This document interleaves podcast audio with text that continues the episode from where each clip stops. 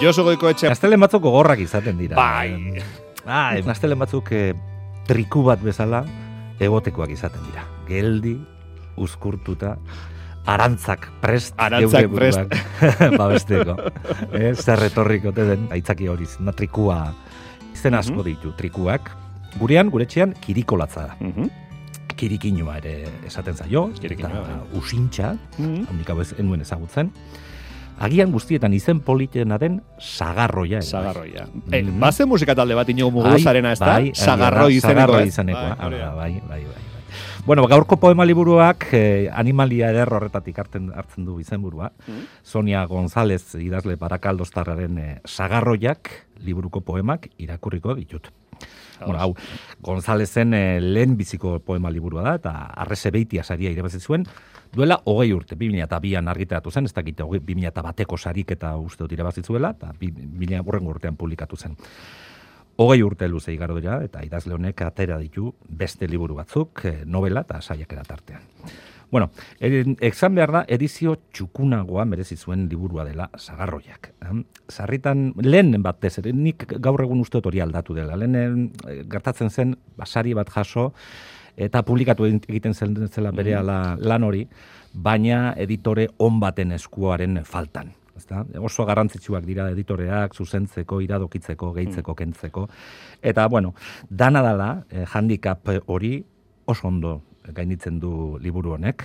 Eh, poema eder, bizi, gogor, eta indartsuak daude horriotan. Osongi. Bueno, ez dakit, aztelenetan zu zer moduz ez natzen zaren, Manu? Eh, kosta egiten zait. Baina kosta egiten zait astelen, aste arte, aste azken eh, oso lotia naizelako. Gero ja behin jekita, ja martxan jartzen naiz, eta Bai, ez da ez da. gorazorio ino jekitzeko momentu da, bueno. Bai, ez du, ez da, ez naeraren unea ez da ai, momenturik onena ez. izaten, ez da borroka bat da ez naera, Bai. torkigun egunaren eta bete beharraren eh, kontrakoa. Agian geure buruaren kontrako borroka da, eh? Hmm. Agian inguratzen gaituen guztiaren aurrean babes txiki bat hartu beharra, geure burua nonbait aurkitzeko borroka. Orain irakurriko doan poema da, Goizak, Sonia. Gonzalezen, Goizak. Egun batzuetan isartu, esnatu, jantzi eta ez dut galtzertik garbirik topatzen. Egun batzuetan isartu, almorzua prestatu eta ogixerrak erretzen zaizkit. Egun batzuetan isartu, ordua begiratu eta iratzargailua amatatzen dut. Egun batzuetan isartu, oean jezarri eta pentsatzen hasten naiz eta imagina dezaket azkenik ordenatu ditudala kaxoiak eta bizitza. Azkenik aurkitu ditudala mermelada eta burua. Nire denbora neurea dela azkenik.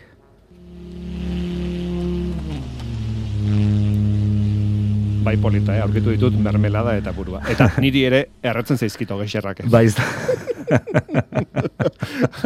Eta gero jarrin behar edo beste berriak egin behar. Bai, bueno, denedarik. Bueno, kaleko, kaleko poeta da Bai, polita. González. Oso polita izan da poema. Kaleko poeta da Sonia González, orain erritmo pixka bat jarriko diogu honi. Ondoren irakurriko duan poeman, Bai. kalea eta poesia daude, droga eta zarata, auzoa eta intimitatea. Hau da, auzoa eta poesia.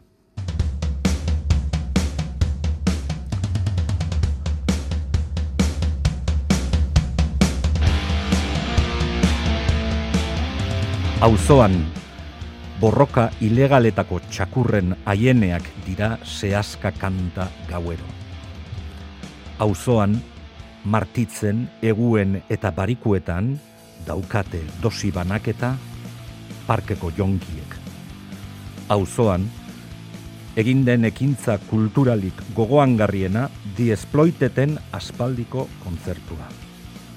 Auzoan katuak kotxe azpian izkutaturik dabiltza, zabortegiko arratoien tamainak beldurtuta. Auzoan etxea, etxean logela, logelan mesanotxea, mesanotxean agian, kurloiez eta aritzez mintzo den poema bat, iesbidea agian, kurloi eta aritzartean bizi den norbaiten plagioa agian.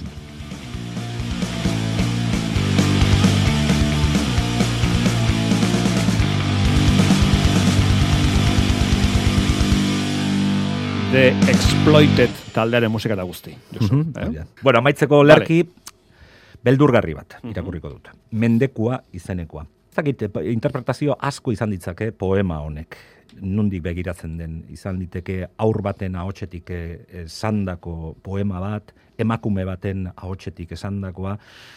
Guztia, eta bata zein beste izan, gizon bat dago, gizon beldurgarri bat dago, eta mendeku a izeneko poema honetan, ba, alako deskribapen latz bat dago, bueno, e, uste dute poema zigri, nahiz eta interpretazioa nahasi edo e, zaila izan, uste dute olerki zirraragarria dala, sendoa, Bai.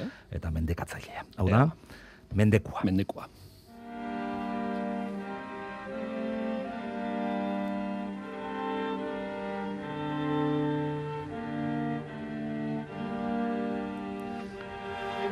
Endoskopio baten ikutu metalikoa baino hotzagoaten gizon horrek postura egin nezake nire malura baino ez duela nahi.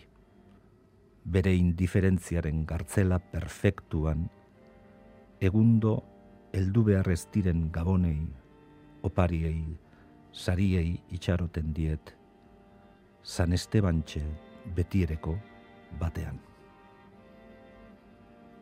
gizon horrek gau izerditsuetan jantziaren kremailera jaisten dit emeki. Difteriaz gaixotutako eltxogardenak begietaratzen ote zaizkidan kezkatu gabe. Nahiago dut ez ikusi, ez entzun. Espainetatik nire izena irristatzen zaion bakoitzean gau mineko telefono hotsaz flagelatzen nauelako altzuruku baino urrutiagoa den gizon horrek gauero ebakitzen dizkit atzapar gastatuak. Aspaldi batean nire erkideak ziren patioko katuen intziria ez, errukitu barik. Gizon horren etxea laborategi kimikoa da eta bertan beirazko matrazetan tortura berriak esperimentatzen ditu begi gorridun bere arratoi zuri honentzat torturatu behar banau, defensa barik utzi behar banau, preso eduki behar banau, maluraz akatu behar banau, sagarroi bihurturik itzuli beharko naiz. Horixe da nire poz bakarra. Gizon horrek ez dakiela zenbat arantza zorrotz batu ditudan azalazpian defensarako, mendekurako.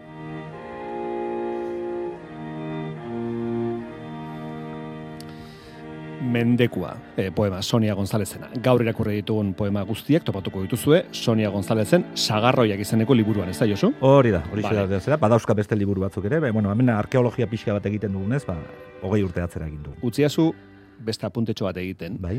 Susa argitaletxearen eskutik, munduko poesia kaierak bildumak, emeretzigarren mendeko bi poeta hundiren antologia plazaratu de euskaraz. Walt Whitman, Amerikako estatu batuetako poeta, e, euskarara ekarri du Josu Goikoetxea delako batek, eta William Butler Yeats, e, poeta irlandarraren lana euskaratu du Juan Cruz Igerabidek. Bai, oso, hori da. Osongi. Ostegunean izan nuen aurkezpena, eta posik, posik egin dago lanarekin egia. E, astona pasa, Josu? Berdin, Manu. Agur, Josu.